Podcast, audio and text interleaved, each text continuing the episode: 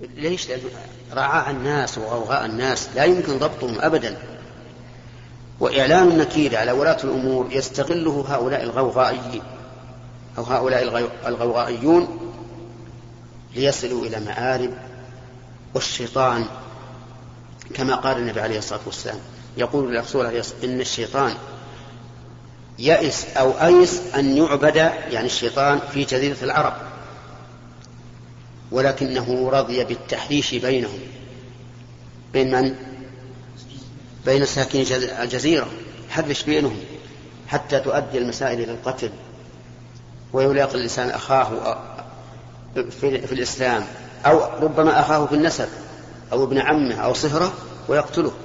على أي شيء؟ لا على شيء. فالحاصل أننا نقول يجب على شباب الصحوة أن ينظروا إلى النصوص من جميع الجوانب وأن لا يقدموا على شيء حتى ينظروا ما عاقبته. إذا كان النبي عليه الصلاة والسلام يقول من كان يؤمن بالله واليوم الآخر فليقل خيرا أو ليصمت فاجعل هذا ميزان لك في كل أقوالك وكذلك في كل أفعالك. والله موفق. لو يعني لو طولنا بعض الأحيان في الجواب على السؤال تقتضي المصلحة هذا فضيلة الشيخ حفظكم الله. اشتهر في الفترة الأخيرة بين الشباب هذا اللغز أو ما يسمى لغز ما هو الشيء الذي لم يره الرسول عليه الصلاة والسلام وما هو الشيء الذي لم يره الله سبحانه وتعالى ولم يسمع به؟ ويقصدون بالذي لم يره الرسول عليه الصلاة والسلام رسول مثله والذي لم يره الله سبحانه وتعالى ولم يسمع, ولم يسمع به الشبيه والمثيل والنظير. وتعلمون أن هذا سوء أدب مع الله سبحانه وتعالى فما حكم ذلك؟ أفيدونا وفقكم الله. أما كون الرسول عليه الصلاة والسلام لم يرى الشيء ولم يسمع به فهذا حاصل لكل بشر. والنبي عليه الصلاة والسلام بشر. يدخل بيته والبرمة على النار لا يدري ما الذي فيها. وهو بيته. البرمة يعني مثل القدر. فإنه دخل ذات يوم على أهله ووجد دعا بطعام وكان رأى البرمة على النار وفيها لحم تصدق به على بريرة. بريرة عتيقة لعائشة رضي الله عنها عندها. وقد علموا أن الرسول صلى الله عليه وعلى آله وسلم لا يأكل الصدقة. فقالوا لحم تصدق به على بريرة. قال هو عليها صدقة ولنا هدية. أنا أضرب هذا مثلا لكون الرسول صلى الله عليه وسلم لا يعلم الغيب. وكان معه أبو هريرة ذات يوم فانخنس منه واغتسل ثم رجع. فقال له أين كنت؟ قال كنت جنبا فكرهت أن يعني أن أكون معك على غير طهارة. قال سبحان الله إن المؤمن لا ينجس. فانظر. تغيب عنه أبو هريرة وهو لا يعلم. فالرسول نعم قد لا يسمع بالشيء وقد لا يرى الشيء لكن قولنا في جانب الله عز وجل لم يسمعه الله. كذا السؤال؟ لم يسمع به الله ولم يره؟ هذا سوء أدب عظيم مع الله. ويخشى على من ألقى هذا السؤال فضل به من يضل من الناس أن يبوء بالإثم والعياذ بالله. جانب الرب عز وجل يجب أن يعظم يجب أن يهاب يجب أن لا تتكلم في جانب الله عز وجل بما يوهم نقصا لا من قريب ولا من بعيد. لأن الله تعالى قال للذين لا يؤمنون بالآخرة مثل السوء ولله المثل الأعلى وهو العزيز الحكيم. كل وصف كمال فأعلاه لله عز وجل.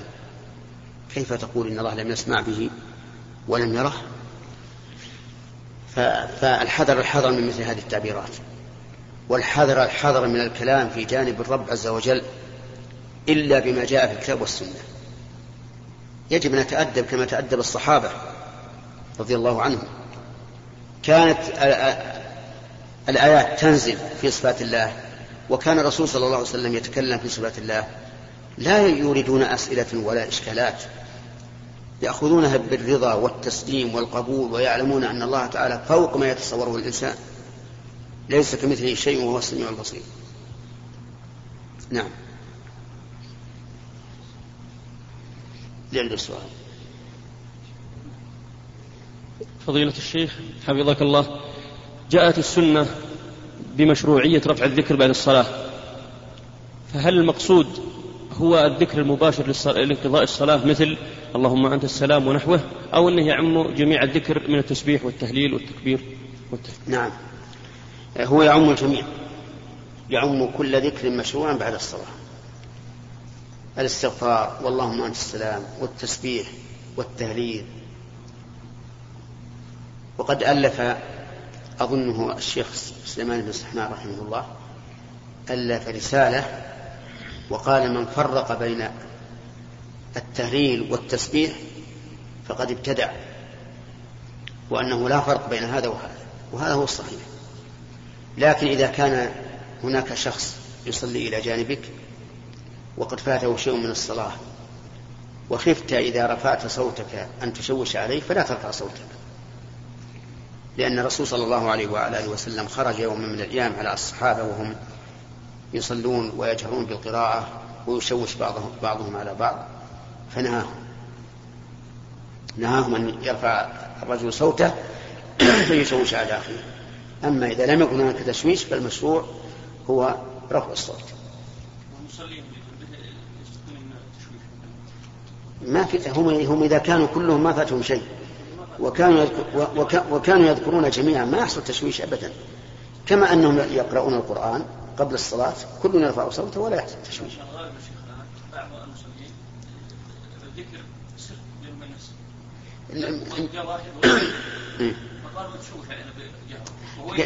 نعم. نقول إذا إذا رفع صوته وهم, وهم يستغفرون ليرفعوا أصواتهم مثله. وسبب التشويش أن بعض الناس يكره هذا بقلبه. وتعرف أن القلب إذا اشتغل يتشوش. لكن لو كانوا مطمئنين بهذا وقد قبلته نفوسهم قبولا تاما ما حصل تشويش إطلاقا. السنة أن يجهر. ولكن إذا كان إمام إذا كان إماما فينبغي أن يبلغ المأمون من قبل. يقول يا إخواني ترى السنة هو الجهر نعم.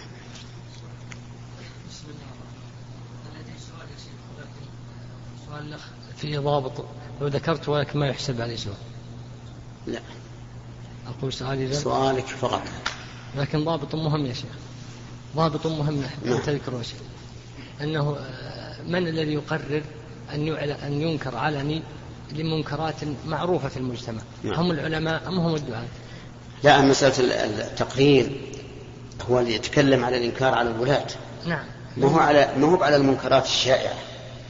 يعني مثلا عندنا الآن آه، فيه مثلا منكرات شائعة مثل الربا. الميسر التأمينات الآن الموجودة عندنا أكثرها من الميسر والغريب أن الناس أخذوها بالقبول ولا تكاد تجد أحد ينكرها مع أن الله قرنها بالخمر والأنصاب والأزلام ولكن الناس سبحان الله ما تجد أحد ينكرها. تؤمن على سيارتك ولا على شيء آخر على بيتك. تسلم دراهم. لا تدري هل, هل تخسر أكثر أو أقل. وهذا هو الميسر فأقول أما إنكار المنكرات الشائعة فأنكرها. لكن كلامنا إنكار الكلام على الإنكار على الحاكم. مثل أن يقوم إنسان مثلا في مسجد. ويقول مثلا الدولة ظلمت. الدولة فعلت الدولة يعني يتكلم في نفس الحكام هذا هو كلام فيه ثم هناك فرقا بين أن يكون الأمير أو الحاكم الذي تريد أن تتكلم عليه بين يديك وبين أن يكون غائبا. لأن جميع الإنكارات الواردة عن السلف إنكارات حاصلة بين يدي الأمير أو الحاكم. وهنا فرق بين كونه الأمير حاضر حاضرا أو أو غائبا. الفرق أنه إذا كان حاضرا أمكنه أن يدافع عن نفسه ويبين وجهة نظره وقد يكون مصيبا ونحن المخطئون لكن إذا كان غائبا وبدأنا نحن نفصل الثوب عليه على ما نريد هذا هو اللي فيه الخطورة. والذي ورد عن السلف كله في مقابلة الأمير أو الحاكم. ومعلوم أن الإنسان لو وقف يتكلم في واحد من الناس ما هو ولاة الأمور. في واحد من الناس في غيبته لقيل هذه هذه غيبة. إذا كان فيك خير راح ننصح قابله. يا شيخ بعض يستغل المنكرات الشائعة فينكرها بطريقة يربط بينه وبين كأن ولاة الأمر دخلا في هذا بحيث يفيد السامع أن ولاة الأمر هم السبب في هذا. فهذا أيضا ولو أنه منكر شائع بس يعد من استغلاله ضد ولاة الأمر. لا ما هو كذا. أنا أريد مثلا يقول للناس اجتنبوا الربا. ولا يبقى يقول هذه بيوت الربا معلنة ورفيعة البناء. لا يقول هكذا. لأن هذا يتضمن أو إنكار ضمني على الولاة. لكن يقول تجنبوا الربا. الربا محرم. وإن كثر بين الناس الميسر حرام. وإن, وإن أقر. وما أشبه ذلك. رجل قال أحد معارفه أريد أن أبيعك هذه المزرعة. ثم تبيعها على ابني الأكبر حتى يستخدم عمال يستفيد منه. أعد أعد. رجل قال لأحد قال له أحد معارفه أريد أن أبيعك هذه المزرعة ثم تبيعها على ابني الأكبر حتى يستخدم عمال. فلما فعل هذا الوسيط تبين له أن هذا القريب أراد أن يهب هذه المزرعة دون أبنائه الآخرين. يعني احتال عليه. فماذا على هذا الرجل الوسيط علما أن لديه مصلحة عند هذا الرجل؟ لا يجوز للإنسان إذا علم أن شخصا ما يتوصل بمعاملته إلى محرم أن يعامله لأنه إذا عامله صار من باب التعاون على الإثم والعدوان وقد نهى الله عنه. لكن لماذا لماذا لا يكون عند هذا الرجل الشجاعة؟ شجاعة فيبيع على ابنه مباشرة دون واسطة. وهو إذا باع على ابنه بالثمن الموافق للسوق فإن ذلك لا بأس به. نعم؟ اي دون أبنائه. ما في مانع. يعني مثلا لو إنسان عنده السيارة وله أبناء متعددون وأراد أن يبيع السيارة بثمنها ال- الذي هو ثمنها في السوق على أحد الأبناء فلا بأس. أما البيع الصوري فلا يجوز لأن الحيلة على المحرم تجعل المحرم أخبث. لا يجوز. قلت لك لا يجوز أن يتوسط يعني قد فعل الآن. عليه أن يتوب إلى الله عز وجل وأن ينصح الرجل الذي طلب منه أن يكون وسيطا ويخوفه من الله, من الله عز وجل. نعم. بسم الله الحمد لله. فضيلة الشيخ حفظكم الله. هناك من يقول بأن قول الله عز وجل إن الله لا يغفر أن يشرك به ويغفر ما دون ذلك أن هناك شرك يغفره الله. لمن يشاء. لمن يشاء. ويغفر ما دون ذلك لمن يشاء. ومثلوا لذلك بما في الصحيحين من حديث الرجل الذي قال لأبنائه إذا نمت فحرقوني ثم يذر نصفي في البحر ونصفي في البر فوالله لئن قدر الله علي ليعذبني. فقالوا إن هذا كافر مشرك وغفر الله له باجتهاده.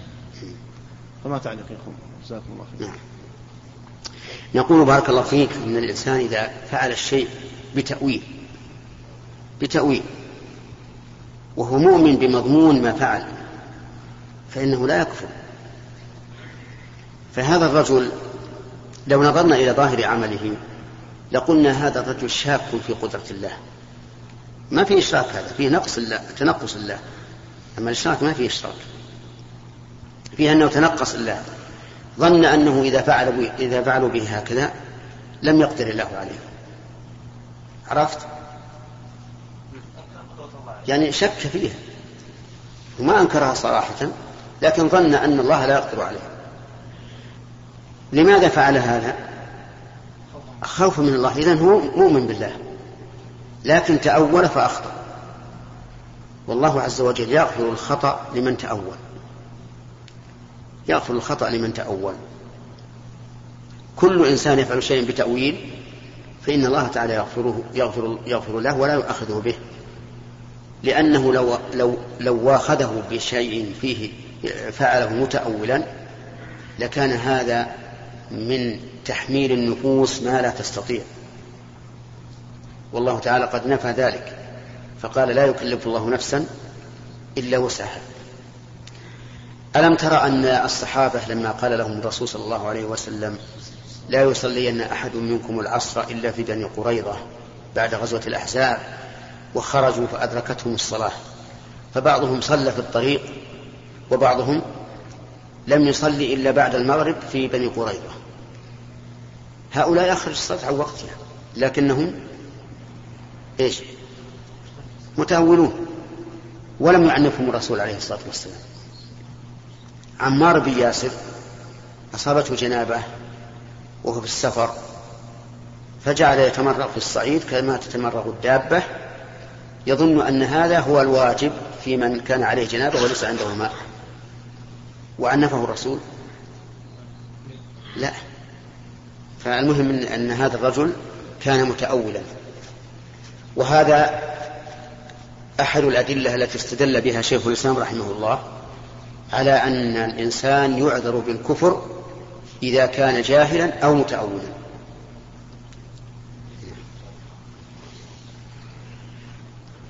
شيخ غفر الله بالنسبة رجل تزوج وأنجب عدة أطفال. ثم تبين له أن أحد أقارب زوجته فيه برص هل يجوز له التوقف عن الإنجاب منها خشية من هذا المرض؟ علما بأن أطفاله يعني ما فيهم مرض سالمين. هذا من جهله. لو أراد أن يتوقف عن الإنجاب لأن بعض أقارب الزوجة فيهم برص كان هذا لا شك من من سفهه ومن سوء ظنه بالله عز وجل.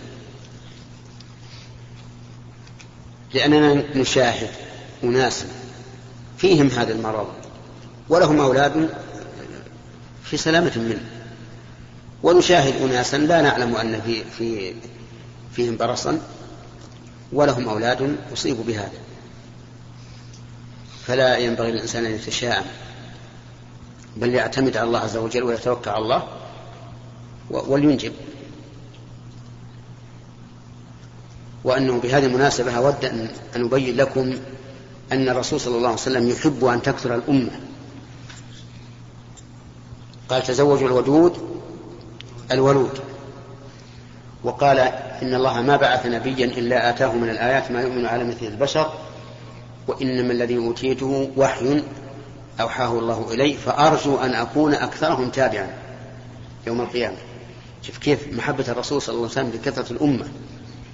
ونحن مع الأسف نقول وقف النسل نظم النسل. نعم. سبحان الله. أكثر النسل. والله تعالى يرزقهم. كما قال تعالى نحن نرزقكم وإياهم. فقل للأخ هذا يستمد ولا ولا يوقف الإنجاب وإن شاء الله لا يرى لا يرى بأسا. نعم. فضيلة الشيخ أثابكم الله. آه، ما قولكم يا شيخ برجل تسلم عليه ولا يرد عليك السلام؟ ولا. ولا يرد عليك السلام. وبعد مناصحته لم ينتح هل تسلم عليه؟ أقول سلم هذه نعم. الظاهرة منتشرة الآن. نعم. أقول سلم عليه. سلم عليه وإن لم يرد عليك. لأن الإنسان مأمور أن يسلم على أخيه المسلم. وإذا سلمت حصلت الأجر وباء هو بالإثم. ويدل لهذا أن رجلا جاء إلى النبي عليه الصلاة والسلام قال يا رسول الله إن لي قرابة أصلهم ويقطعونني وأحلم عليهم ويسيئون إلي. وذكر ثالثة نسيتها فقال النبي صلى الله عليه وعلى آله وسلم إن كان يعني الأمر كما تقول فكأنما تسفهم المل. يعني ما نستمر. وكأنما تسفهم المل المل هو الرماد الحار أو التراب الحار. فأمره النبي عليه الصلاة والسلام أن يقوم بصلة الرحم وإن كانوا هم يقطعونها كذلك أن تسلم وإن كان هو لا يرد. وربما مع التكرار ربما يخجل. ويراجع نفسه. ويقول لماذا لا أرد عليه السلام؟ هنا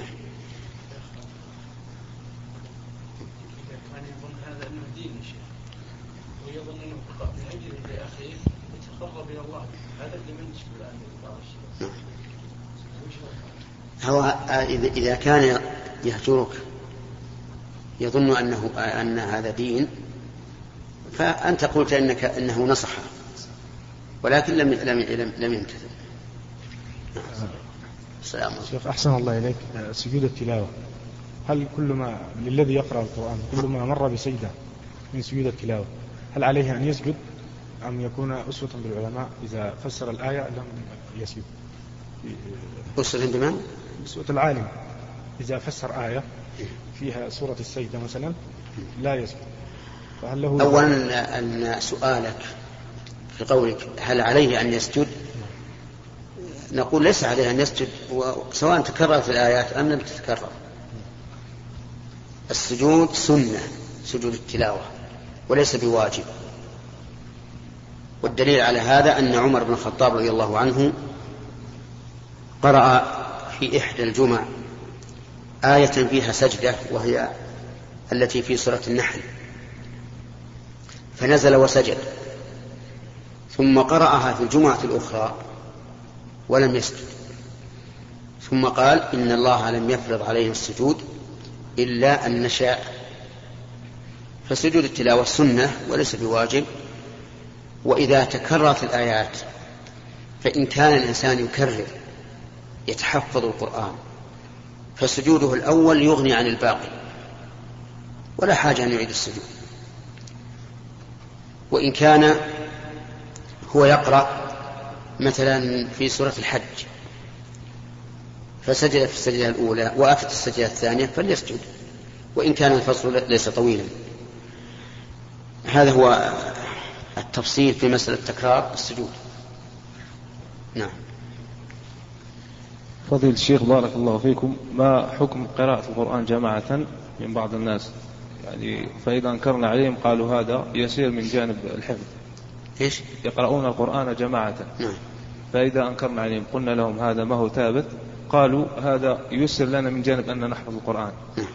ما حكمه؟ بارك الله فيكم أما من جهة قراءة القرآن بصوت واحد من أجل التحفظ أو التعلم فلا بأس به. وأما إذا كان من أجل التعبد فلا. والفرق بينهما أن الأول قد يحتاج الناس إليه. قد يحتاج الناس إليه فصار جائزا. أما الثاني فلا لأن الإنسان يستطيع أن يتعبد بتلاوة القرآن وإن لم يكن معه أحد. ومثل ذلك أيضا من أراد أن يتحفظ على الشريط كما يفعله بعض الحفظة. يستمع إلى الشريط ويتابعه فلا بأس له ولا حرج في هذا. نعم. السلام ورحمة الله فضيلة الشيخ هل في الذهب المعد للزينة زكاة وإن كانت المرأة لا تجد إلا أن تبيع بعضه لكي تؤدي الزكاة. نعم. الصحيح من أقوال العلماء والراجح عندي أن الزكاة واجبة في الحلي إذا بلغ النصاب وهو خمسة وثمانون جراما. فإذا بلغ هذا وجب الزكاة. فإن كان لديها مال فأدت منه فلا بأس. وإن أدى عنها زوجها أو أحد من أقاربها فلا بأس. وإن لم يكن هذا ولا هذا فإنها تبيع منه بقدر الزكاة وتخرج الزكاة. قد يقول بعض الناس لو عملنا بهذا لا انتهى حليها ولم يبقى, ولم يبقى عندها شيء. فنقول هذا غير صحيح. ليش؟ لأنه إذا نقص عن النصاب ولو شيئا يسيرا لم تجب الزكاة. وحينئذ لا بد أن يكون عندها شيء تتحلى به. فالقول الراجح في هذه المسألة أن الزكاة واجبة في كل حلي من ذهب أو فضة سواء كان يلبس أو يعار أو يؤجر كله واحد. نعم. فضيلة الشيخ. قول الرسول صلى الله عليه وسلم إن الله وتر. يحب الوتر. فهل هذا اسم من أسماء الله أم صفة من صفاته؟ والله يحتمل أن يكون أن يكون اسم من أسماء الله ويحتمل أن لا يكون لأن بعض العلماء ذكر قاعدة. قال ما جاء معرفا بأل فهو من أسماء الله وما لم يأتي معرفا فهو صفة من صفات الله. وبعض العلماء يقول كل صفة من صفات الله وصف الرسول بها ربه فإنها اسم. وعلى هذا فيتنزل الجواب. إن قلنا بأن أسماء الله هي المقرونة بأل. فالوتر لا أعلمه جاء مقرونا بأل.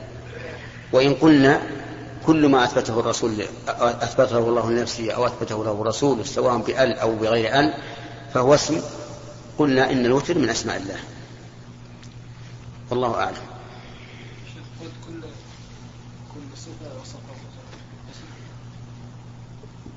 غير الصفات الخبرية. خبرية مثل الوجه والعين ما, ما لا تدخل في هذا. الصفات المعنوية. نعم. المصلين في المساجد.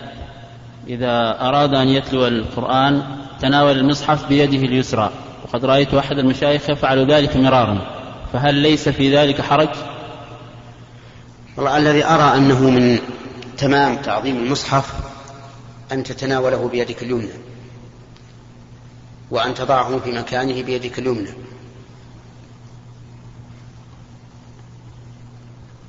لأن النبي صلى الله عليه وعلى آله وسلم كان يعجبه التيامن في جميع شؤونه.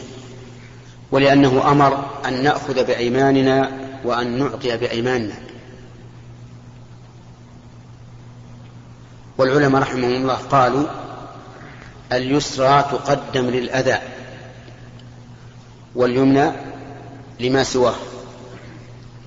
فالذي يريد أن يتناول شيئا خبيثا أو نجسا باليسرى وأما المصحف فلا شك أنه من تعظيمه. أن تتناوله باليمنى أخذا وردا وإعطاء. نعم.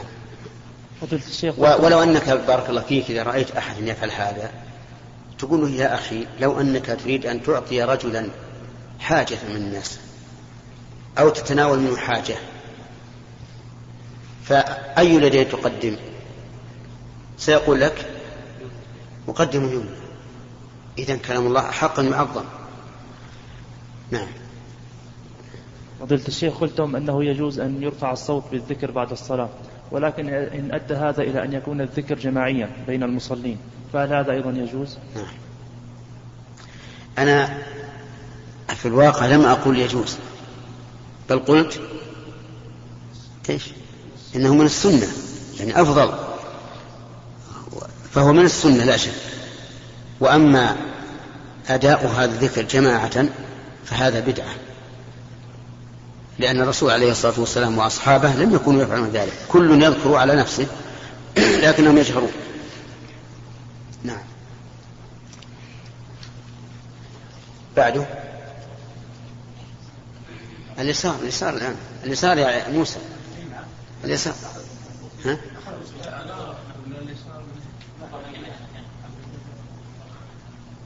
تفضل. إذا كان في سفر إذا كان في سفر وأتى وقت الصلاة أو خرج وقت الصلاة وأذنا للصلاة. فبعض الشباب يقولون خرج الوقت الأذان ما رأيك شيخ؟ وهل هل أنتم في سفر أو مثلا في في استراحة إذا كنتم تسمعون الأذان فلا حاجة تؤذنون. وإن كنتم لا تسمعون وجب عليكم أن تؤذنوا. يعني لا تسمعون الأذان. أذنوا لا. نعم. أقول أذن متى أردت الصلاة. ولو كان ولو كان في أثناء الوقت. أي نعم وإلى هنا ينتهي المجلس وإلى الجلسة القادمة. إلا إذا رأيتم يا أخواننا وعلى كل حال الناس يتبدلون. يجي ناس اليوم ولا يجون. إذا رأيتم أن الإجازة يوقف فيها اللقاء؟ نعم. لا أنا ما أرى شيء. أنا كله عندي واحد. يستمر؟ يستمر؟ طيب. أيها الإخوة في ختام هذه